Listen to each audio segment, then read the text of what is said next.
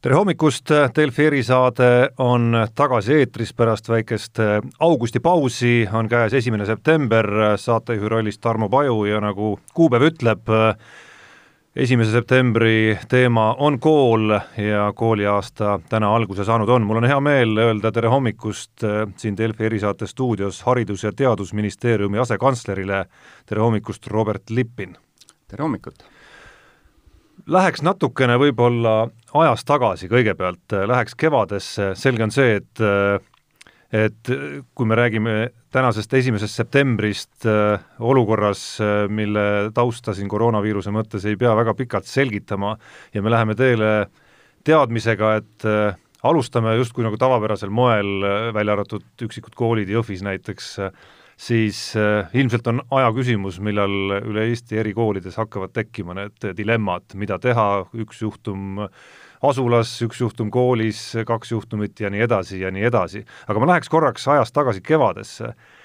mis see õppetund oli, kõige suurem äh, või kõige suuremad üleüldse hariduse jaoks ja, ja ka Haridusministeeriumi ja haridusametnike jaoks, et et kuidas me saime hakkama hariduse andmisega, olgu siis esimeses klassis, gümnaasiumis, ülikoolis, et kas Eesti lapsed ja noored jäid sellest eh, ütleme, paari-kolmekuulisest eh, koroonapausist ja koduõppest kuidagi rumalamaks? kõige suurem õppetund oli see, et me tegelikult saime hakkama. õppetöö jätkus. et äh, kui see Covidi situatsioon algas, siis me tegelikult ju keegi ei teadnud, kaua see täpselt kestab. suure tõenäosusega oli näha, et see ei ole siiski ühe ega kahe nädala teema, et see läheb pikemalt. Ja kui me nüüd vaatame sellist õppimist, siis oli selge, et äh, kui õpilastele, üliõpilastele, kes iganes, äh, õppeprotsessis jäävad pausid sisse, siis tagasitulek on alati keeruline. et me kõik teame, et peale suvist koolivaheaega on suhteliselt keeruline ennast jälle häälestada uuesti õppima. ja seetõttu see otsus, et me püüame jätkata nii palju kui vähegi võimalik seda õppetööd, et see otsus oli selge. ja tegelikult me saime tugineda sellele, et äh, lähme tagasi möödunud sajandisse. Kogu see tiigrihüppe-programm, mis paarkümmend aastat tagasi alustati, need otsused paar aastat tagasi, et me investeerime digiõppevahenditesse üldhariduse poole pealt, et need on õiged otsused olnud, et võrreldes muu maailmaga me olime tegelikult väga heas olukorras, me olime võimelised paari ööpäevaga minema üle distantsõppele. loomulikult äh, distantsõpe ei sobi kõigile õpilastele tõsi on ka see, et äh, selle kevade jooksul tuli välja, et need õpilased, kellel oli probleeme koolis, äh, kes ei saanud hakkama, keskendumisprobleemid, nad said kodus hoopis palju paremini hakkama. Aga kindlasti oli neid, kes olid harjunud rohkem õpetaja juhendamisega ja neil paratamatult tekkisid raskused, eriti haridusliku erivajadusega õpilased, HEV-õpilased. et äh, nüüd, kui õppetundi otsida, siis sügisesse vaadates ähm, esimene suurem ongi siis ka see, et äh, nii palju kui vähegi võimalik, HEV-õpilased, algklasside õpilased, noh, täna me oleme selle piiri tõmmanud üks kuni kuus, et nende puhul äh, distantsõpe võiks olla kõige viimane lahendus, et äh, pigem ikkagi kontaktõppes ja kui õppetunde veel otsida, siis ma arvan, et õppetund oli ka võib-olla õpetajatele äh, et äh, need, kes võib-olla ei olnud väga digivahendite kasutamise poolt, et on võimalik tundi läbi viia. See kindlasti nõuab teistsugust mõtlemist, teistsugust lähenemist, äh, oma tavapäraste praktikate muutmist, aga see on võimalik. ehk see võib, võikski jääda selliseks üheks lahenduseks, alati ei pea olema kontaktõppes, saab ka distantsilt teha. ja kolmas õppetund, ma arvan, et äh, lapsevanemad said aru, et äh, mis tööd tegelikult õpetajad teevad. et äh, kui sa ikkagi pead oma ühe, kahe, kolme või mõnel juhul veel rohkemate lastega kodus õppima koos, neile tagama selle olukorra, ja õpetajal on klassis kümme, viisteist, kakskümmend, mõnel juhul kolmkümmend õpilast, et äh, õpetajad teevad rasket tänuväärset tööd. Kui me nüüd pilgu suuname uude õppeaastasse, siis kas me võime öelda, noh, see ei ole küll Haridusministeeriumi määrata, aga, aga suuremas pildis, et et äh, ajal, kus me justkui nüüd hakkame õppima, kuidas koroonaviirusega koos elada, sest äh, ei kavatse see viirus veel lähiajal kuskile ära minna, siis siis ikkagi väga selgelt on Eestis tehtud see otsus, et haridus on nagu prioriteet, et et see saab olema viimane koht, kus, kus mingeid laussulgemisi, ärajätmisi ja, ja niisuguseid asju tuleb? tegelikult on see otsus natukene laiem, et äh, küsimus ei ole isegi hariduses, vaid üleüldse, et äh, sellist äh, laussulgemist vältida viimase võimaluseni. et pigem reageerida lokaalselt ja, ja kui on vaja, siis võib-olla teha mingis piirkonnas sulgemist, et kas viirus ei leviks sisse, näiteks kui me teame, et seal meditsiinivõimekus puudub, või siis, et ei leviks välja, kui seal on suur nakatumiste arv. aga hariduse poole pealt kindlasti nii palju kui vähegi võimalik, jätkata õppetööd kontaktõppes ja samas meie soovitused koolidele ongi, et läbi mõelda, et kui tuleb viia klass või äärmuslikul juhul ka kool uuesti distantsõppele, et eh, mida kevadest eh, nii-öelda õppida ja arvestada, kuidas seda nüüd kõige paremini korraldada? Äh, no kui õppetöö nüüd tänasest-homsest Eesti koolides lahti läheb, siis äh, äh vaevalt on kellelgi koolijuhtidest Haridusministeeriumis, teadusekspertidest kahtlusi, et, et need juhtumid hakkavad tulema, et, et olgu nad üksikud, olgu nad, olgu nad äh, hulgim, et äh, kuidas see olukord nüüd selles mõttes praegu on, et, et kelle hallata need erinevad situatsioonid hakkavad olema, et kas, kes nagu jämedat otsa hoiab, kas see on Haridus-Teadusministeerium, kes justkui nii-öelda omab seda üldpilti ja annab suunised, on see Terviseamet, on need omavalitsused koos koolijuhtidega lõpuks, kes teevad reaalselt need otsused, et mida ühel või teises olukorras teha? selles olukorras, kus äh, me pigem püüame reageerida lokaalselt, ehk mitte üleriigiliste meetmetega, siis äh, jäme ots on äh, kindlasti kohalike omavalitsuste käes, kes koostöös äh, Terviseametiga langetavad neid otsuseid. loomulikult erinevad ministeeriumid, on see Haridus-Teadusministeerium või Kultuuriministeerium, teised ministeeriumid, anname juhiseid, aga juhiseid, soovitusi, et kuidas võiks reageerida aga situatsioonid on väga erinevad, et äh, kui ühes omavalitsuses on äh, viis kooli, äh, neli kooli on suuruses sada õpilast, üks kool on tuhat õpilast, anda sellist ühte šablooni ette, et käituge nii, käituge naa, samas võib-olla see tuhat õpilast on ka kolme maja vahel hajutatud, et kohalik omavalitsus koostöös koolijuhiga arutavad ja leiavadki need kõige paremad lahendused kui midagi juhtub. et äh, noh, ütleme seal ühes klassis toimub äh, nak-, äh, nakatumine, et kuidas õpilane liigub, kas see liigub koolibussiga, kas ta kasutab huviringe, avatud noortekeskusi, spordiklube, mis seal on, et see on, see sõna otseses mõttes juhtumipõhiselt lähenemine, et ühte õiget vastust ei ole no selline raudreegel, millega me justkui teele läheme, on siis see, et kui ühes klassis näiteks äh, selgub, et on üks juhtum, siis äh, selle konkreetse õpilase klassikaaslased äh, kvalifitseeritakse nii-öelda lähikontaktseteks ja, ja, ja nad jäävad koju ja see konkreetne klass siis on see, mis esialgu siis neljateistkümneks päevaks äh, liigub distantsõppele, saan ma õigesti aru? täpselt nii ongi, et kui klassis on äh,, keegi nakatub, et siis see klass läheb kaheks nädalaks kontakt äh,, distantsõppele. mis sest õpetajast saab, näiteks klassijuhataja, oletame, samamoodi? See, see nüüd, äh, siin on jälle, et kas me räägime klassiõpetajast, kes õpetab võib-olla esimest, teist, kolmandat, neljandat või mõnel juhul ka viiendat äh, klassi, et äh, siis ta tegelikult on selle klassiga koos viibinud, suure tõenäosusega peaks ka tema minema siis koju. kui me räägime aineõpetajast, seal tuleb hinnata seda olukorda. ka seda, kuidas õpetaja tundi läbi viib et kui õpetaja viibki tundi läbi, et ta suhteliselt vähe liigub klassis ringi, siis äh, jälgida oma enesetunnet, haigusnähte, kas tekib või ei teki ja siis otsustada juba. kas äh, rohkem peaks muretsema laste pärast või õpetajate pärast üldse? mõlema pärast tuleb muretseda. Aga arvestades Eesti õpetajate sellist äh, keskmise vanuse suurt äh, noh, kõrget iga, siis siis selles mõttes kindlasti õpetajate puhul jah, nad võivad olla rohkem riskirühmas. samas, kui me räägime lastest, on sul erinevad äh, astmad, äh, mingid äh, haigused ja sa oled samuti riskirühmas.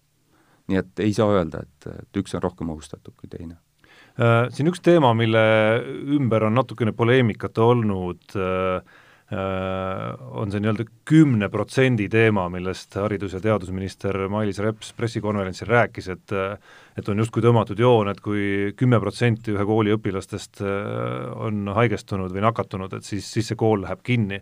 noh, kui, kui te teisalt räägite ikkagi sellest personaalsest või, või sellisest nagu juhtumipõhisest lähenemisest, siis ega praktikas see kümme protsenti vist või mis teema sellega on, see, see tegelikult ei maksa, see number vist ju, vist ju mitte midagi, et tõenäosus ütleb, et kui, kui kuskil peaks kümne protsendini jõudma nakatumismäär koolis, et selleks ajaks on enamik klasse niigi kinni juba? enamik, tõsi ta on, et äh, võib olla enamik klasse kinni, aga samas jälle, kui kui ma mõtlen näiteks äh, Tallinna Tööstushariduskeskuse peale, kutseõppeasutus, mis asub Tallinna linnas, kus õpilaste arv on äh, kaks tuhat ükssada, kaks tuhat kakssada. kui me ütleme kümme protsenti, siis kakssada õpilast, see on meeletult palju aga teiselt poolt jälle võiks öelda, et äh, see kakssada õpilast võib-olla on toimunud, äh, Tööstushariduskeskus on suur hoonekompleks ja need nakatunud kõik ongi ühes tiivas, nad ei ole liikunud mööda koolimaja, võiks öelda, et äh, ka see kakssada nakatunut ei tähenda, et me peame kooli kinni panema. ehk jälle me jõuame sinna, et, et seda olukorda hinnata kuidas nende konkreetsemate juhtnööridega koolidele, et et kas või äh, ise natukene erinevate koolide kodulehtedel ringi sirvides ja, ja ka lapsevanemana mõne kooliga rohkem kursis olles, mulle tundub, et siin on sellist nagu noh, väga individuaalselt, äh, väga, väga, väga suuri erinevusi ka, et on koole, mis ütleme, on võtnud sellised Terviseameti üldised soovitused, Äh, käte puhastamisest kuni, äh, kuni selleni, et kui vähegi on nohu, siis tuleks kodus olla, aga on koole, kus ikkagi on äh, mindud nagu natukene kaugemale, et on, on seal liigutatud natukene tundide algusaegu, et klasside vahetunnid ei kattuks siis päris minut minutilt, vaid et seal oleks sellised nagu sammud vahel, et siis nagu vähendada, ütleme, neid siis eri klasside kokkupuuteid, ma ei tea, sööklas kas või, või või niisama koridorides, et kas see ei oleks võib-olla see koht, kus äh, kus äkki võiks isegi tulla noh, näiteks Haridusministeeriumist mingid, mingid selgemad juhised, et, et teeme kõik niimoodi? Eesti haridus baseerub tegelikult suuresti autonoomsusel ja koolijuhid on autonoomsed otsustama, kuidas teha ja toimetada. kui me räägime sellisest äh, erandlikust situatsioonist, nagu see Covidi situatsioon on, siis äh, nii nagu ma ütlesin, koolid on väga erinevad. kahekümne õpilasega kool, viiekümne õpilasega, saja õpilasega kool versus võib-olla seal meil suuremad äh, lähevad pooleteist tuhande juurde. asud sa ühes majas, asud sa kahes-kolmes majas. Oled sa linnakool, kus õpilased tulevadki ühistranspordiga siin bussiga üks-kaks-kolm peatuse vahet või tulevad elektri äh, elektritõuksidega kohale versus äh, võib-olla maasituatsioon, kus äh, tunni aja jooksul koolibuss äh, korjabki õpilased kokku. situatsioonid on erinevad ja me annamegi üldised soovitused. püüdke hajutada, vaadake tegelikult talupojatarkusega otsa, et kuidas seda õppetööd kõige parem on korraldada konkreetselt teie koolimajas näiteks ühes koolimajas otsustati avada külguks selleks, et hajutada inimeste liikumist. teises koolimajas otsustati, et äh, esimeste klasside õpilased sisenevad äh,, ka avati külguksed, sisenevadki sealt. Neid äh, variante on selles mõttes sadu, kui mitte tuhandeid. ja anda ühte õiget varianti ette seda, seda ei ole olemas. ja selles mõttes on hea näha, et koolid ongi läbi mõelnud ja oma situatsioonis selle parima lahenduse leidnud. Äh, kui me sellest nii-öelda koroonaviiruse olukorrast ja, ja nakatumistest äh, liigume edasi reaalselt nagu õppetöö suunas, siis äh, olete nõus, et, et mõnes mõttes selline nagu tõeline väljakutse ootab just nüüd ees, et, et kevadel olukord oli mõnes mõttes ju mustvalge ikkagi, et äh, mäletame seda Kristiine kooli juhtumit, kus üks nakatunu kool kinni, lõpuks järgnesid kõik koolid sinna otsa ja, ja kõik oli kuidagi väga selge, et nüüd, nüüd on vaja väga palju mõelda, väga palju otsustada, tekivad olukorrad äh, ja soovitused, kus äh, juba nohuga ikkagi peaks koju jääma, ehk siis pool klassi võib olla sul kohapeal, pool klassi kodus ja nii edasi, nii edasi, et et sellist nagu muutuvat olukorda ja, ja hästi palju reageerimist ja, ja hästi palju erinevaid kaasusi kas või ühe klassi sees juba, et see, see on päris kõva väljakutse nii koolijuhtidele kui ka konkreetsetele õpetajatele. kindlasti ja olles ise mõned aastad koolijuht olnud, siis mingit pidi ütleks, et see situatsioon, kus täna koolijuhid on, et ta mingil määral on erinev aga samas on see ka see, millega koolijuhid on ja õpetajad on iga aasta kokku puutunud. kui on viiruste äh, nii-öelda, me nimetame seda gripiperioodiks, see situatsioon, et hommikul kell kuus-seitse saad teada, see õpetaja puudu, too puudu, too puudu, too puudu, ja sa hakkadki seda olukorda lahendama. et äh, kindlasti on koolidel äh, see äh, igalühel on oma piir, millest alates on näha, et see õppetöö hakkab ikka väga tugevalt kannatama juba. aga koolides selles mõttes ei ole midagi enneolematut, et pool klassi on äh, nii-öelda nohuga kodus. peale koolivaheaega jaanuarikuus äh, mitu last tuleb kooli? et ikka, üks on äh, see reiside tõttu ollakse ära, aga ikka nohu, haigused, äh, õppetempo aeglustub ja nii edasi, et äh, et selles mõttes midagi uut päris ei ole. no üks, mida vähemalt minu silme järgi oli võimalik näha sellel kevadisel perioodil, on see, et, et ka koolide ja õpetajate võimekused ikkagi on päris erinevad, et et äh, siin oli sotsiaalmeedia kommuune isegi, kus kogu õpetajad, aktiivsemad õpetajad siis äh, postitasid erinevaid väga, väga nutikaid lahendusi, mismoodi oli küll kehalise kasvatuse tundi korraldatud mm -hmm. kodus, äh, küll koristamise, küll kohalikus alevikus mingite ma ei tea, vaatamisväärsuste juurde jooksmise näol. aga, aga oli, oli ka kindlasti teise otsa näiteid nendest, kus, kus kulus võib-olla äh, kuu-kaks, et üldse mõne, mõne klassi või mõne konkreetse aine raames toimuks esimene Zoomi tund näiteks. et äh, kas, kas kuskil peaks ju olema tegelikult mingisugune nagu nivoo või mingi latt, et millest keegi ei tohiks allapoole vajuda?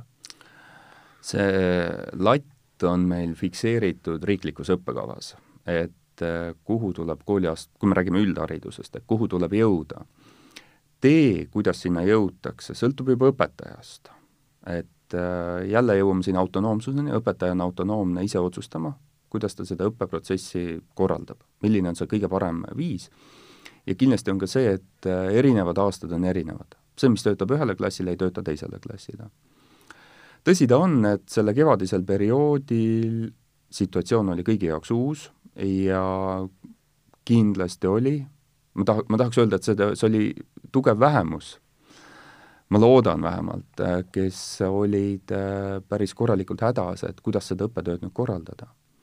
aga ikkagi need, kes võib-olla üks nädal, kaks nädalat, kolm nädalat võtsid seda aega, et äh, et kuidas seda nüüd hakata tegema ja toimetama, leiti need lahendused, leiti need viisid. ja kindlasti õpetajad on erinevad. mõni õpetaja tuleb klassi ette ja annab oma tunni koha peal istudes ja see võib ka olla huvitav ja haarav õpilaste jaoks. ja teine õpetaja teeb seal parajat show'd ees, liigub, toimetab, kasutab erinevaid vahendeid ja saab niimoodi õpilaste tähelepanu ja need teadmised edasi antud. ja täpselt sama on ka selle digiga, et et nagu ühte, ühte kindlat et ikkagi selline nagu, nagu organisatsioonides, et juht ehk siis koolidirektor on see, kes saab äh, seda nivood oma koolis näiteks siis tekitada, et ma ei tea, reegel on see, et kui distantsõppel oleme, siis ma ei tea, nädalas vähemalt selline arv tunde peab ikkagi toimuma ka, ka päriselt toimuma jaa, selles mõttes küll, et äh, üks õppetund ka kevadest, mis me kaasa võtsime ja mis me oleme nagu kommunikeerinud, et koolijuht on see, kes vastutab selle eest, et lepitakse kokku need ühised reeglid. kevadel paratamatult tekkis see situatsioon, et võib-olla kümme, viisteist, kakskümmend erinevat platvormi oli kasutusel. meie soovitus täna on see, istuge maha, leppige kokku, milliseid platvorme kasutada, pigem vähem. et ei tekiks sellist äh, noh, palju, liiga suurt paljusust. noh, ideaalis me võiksime rääkida, et võib-olla mõnes piirkonnas äh, omavalitsusest lepitakse isegi laiemalt kokku, sest võib juhtuda, et üks laps käib ühes koolis, teine teises koolis, ja jälle tekib, et äh, la, seal on võib-olla kümneid erinevaid platvorme. aga et äh, kokkulepped, kokkulepped ja läbi mõelda, mis on tõesti see miinimumstandard, et äh, kuidas me tunde korraldame. on see vähemalt üks nii-öelda Zoomi tund või seda vaja ei ole, sõltub. no üks reaalsus, äh, millega paljud ettevõtted, organisatsioonid, kindlasti ka teie ise ministeeriumis äh, olete juba kevadest saadik kindlasti ju kokku puutunud ja, ja tänaseks ka harjunud, on koosolekud, ükskõik kui suured või väikesed, kus osa osalisi on siis nagu füüsiliselt ruumis kohal ja osa on kodudes näiteks, et et olukorras, kus koolides äh, noh, on ette näha ikkagi väga selgelt, et, et kojujääjaid hakkab rohkem olema ja, ja selliseid, selliseid liikumisi, siis kui palju näiteks meie koolides on, on seda võimekust niimoodi paralleelselt näiteks tunde pidada korraga, et täna Eesti Päevalehes TTÜ esindajagi rääkis, et, et, et see jääb ju juba tehniliste võimekuste taha, et, et oma äh, oma kooli näitel siis rääkis sellest, kuidas seitsmesajast õpperuumist kahekümnes on see, on see võimekus ju tegelikult olemas, aga on ka mm -hmm. koole, kus võib-olla ei, ei ole üldse, et et kuidas teile tundub, on see miski, mis käib natuke üle, üle jõu praegu või, või, või mitte meile? ma küsiks vastu, et miks ta peaks meile üle jõu käima? kui me oleme üle kümne aasta siin erinevate programmidega igale õpetajale sülearvuti erinevaid programme kogu selle digitaristu kaasajastamiseks äh, on olnud ja kindlasti on kohti, kus äh, ühendus ei ole võib-olla piisav ja nii edasi, aga ma ütlen, enamustes koolides tegelikult õpetajal on ju arvuti olemas. küsimus on selles, et hankida see veebikaamera, hankida võib-olla mõned kõlarid juurde, ühendada ära äh, ja tegelikult kodus olijad saavad jälgida õpetajat, kes annab klassis tundi. Öelda, et äh, ei ole võimalik, ma ei ole sellega nõus. jaa, noh, selles mõttes see on, see on ju kvaliteedi mõttes hoopis midagi muud kui ma ei tea e, e-kooli ilmuv kodune ülesanne lihtsalt Just. sellele kodusele õpilasele. et, et, et see on jälle see mõtlemises kinni, et äh, kas me oleme nõus natuke kastist välja mõtlema või mitte kuigi samas ma ütlen, see on mis kastist välja, et õpetajatel ei, see peaks täitsa kast olema tänaseks juba ikkagi, eriti pärast kevadist kogemust. just, et äh, need vahendid on olemas, infrastruktuuri on investeeritud ja kui selgub, et ei olegi nüüd seda ühte veebikaamerat, siis äh, jah, kevadel veebikaamerate tarneajad läksid nelja nädala peale. aga nutikamad hankisid äh, suvel need ära, ühendada arvutiga ja tõesti e-koolist või stuudiumist saad äh, kodused ülesanded ja samas, olles nohuga kodus, sa saad õpetajat jälgida. tõsi ta on, et äh, see nõuab õpetajatelt äh, võib-olla natukene sellist ka ümbermõtlemist, et jah, et õpilane jälgibki sind veebikaamera vahendusel. kuidas koolid sellega nii-öelda nagu materiaalses mõttes hakkama saavad, et olgu siis see, et on vaja õpetajaid hakata rohkem asendama või, või seesama veebikaamerate teema või mis iganes, ma ei tea, desovahendeid on vaja ilmselgelt äh, osta, mida kaks aastat tagasi ei olnud vaja sellisel kujul ja nii edasi, nii edasi. ma arvan, et äh, selline võib-olla suurem kulu, mis tekib ja millega keegi ei ole arvestanud, ongi nüüd see, mis seondub desovahenditega. et see on kindlasti täiendav kulu, mida koolipidajad, üheksakümmend protsenti üldhariduskoolidest ikkagi kuulub täna ju kohalikele omavalitsustele, et äh, koolipidajad peavad arvestama ja selle, need vahendid leidma. aga nüüd need IT-vahendid ja ma julgen öelda, meil on enamus investeeringutest tehtud, et äh, see on ikkagi, ma arvan, suhteliselt väike kulutus, mis võib-olla hankida mingeid veebikaameraid ja nii edasi. ja see, mis asendusi puudutab, äh, siis nagu ma ütlesin, gripihooajal äh, kogu aeg on õpetajaid puudu ja kogu aeg toimuvad asendamised. et see päris noh, ütleme, et me jääme sinna normaalsuse piiridesse, et, et kogu, pool kooli ei lähe kinni või midagi, et ehk siis äh, kokkuvõtteks utsitate olema koolijuhte ja õpetajaid äh, nõudlik iseenda suhtes, äh, hoidma latti pigem kõrgel kui, kui, kui allpool.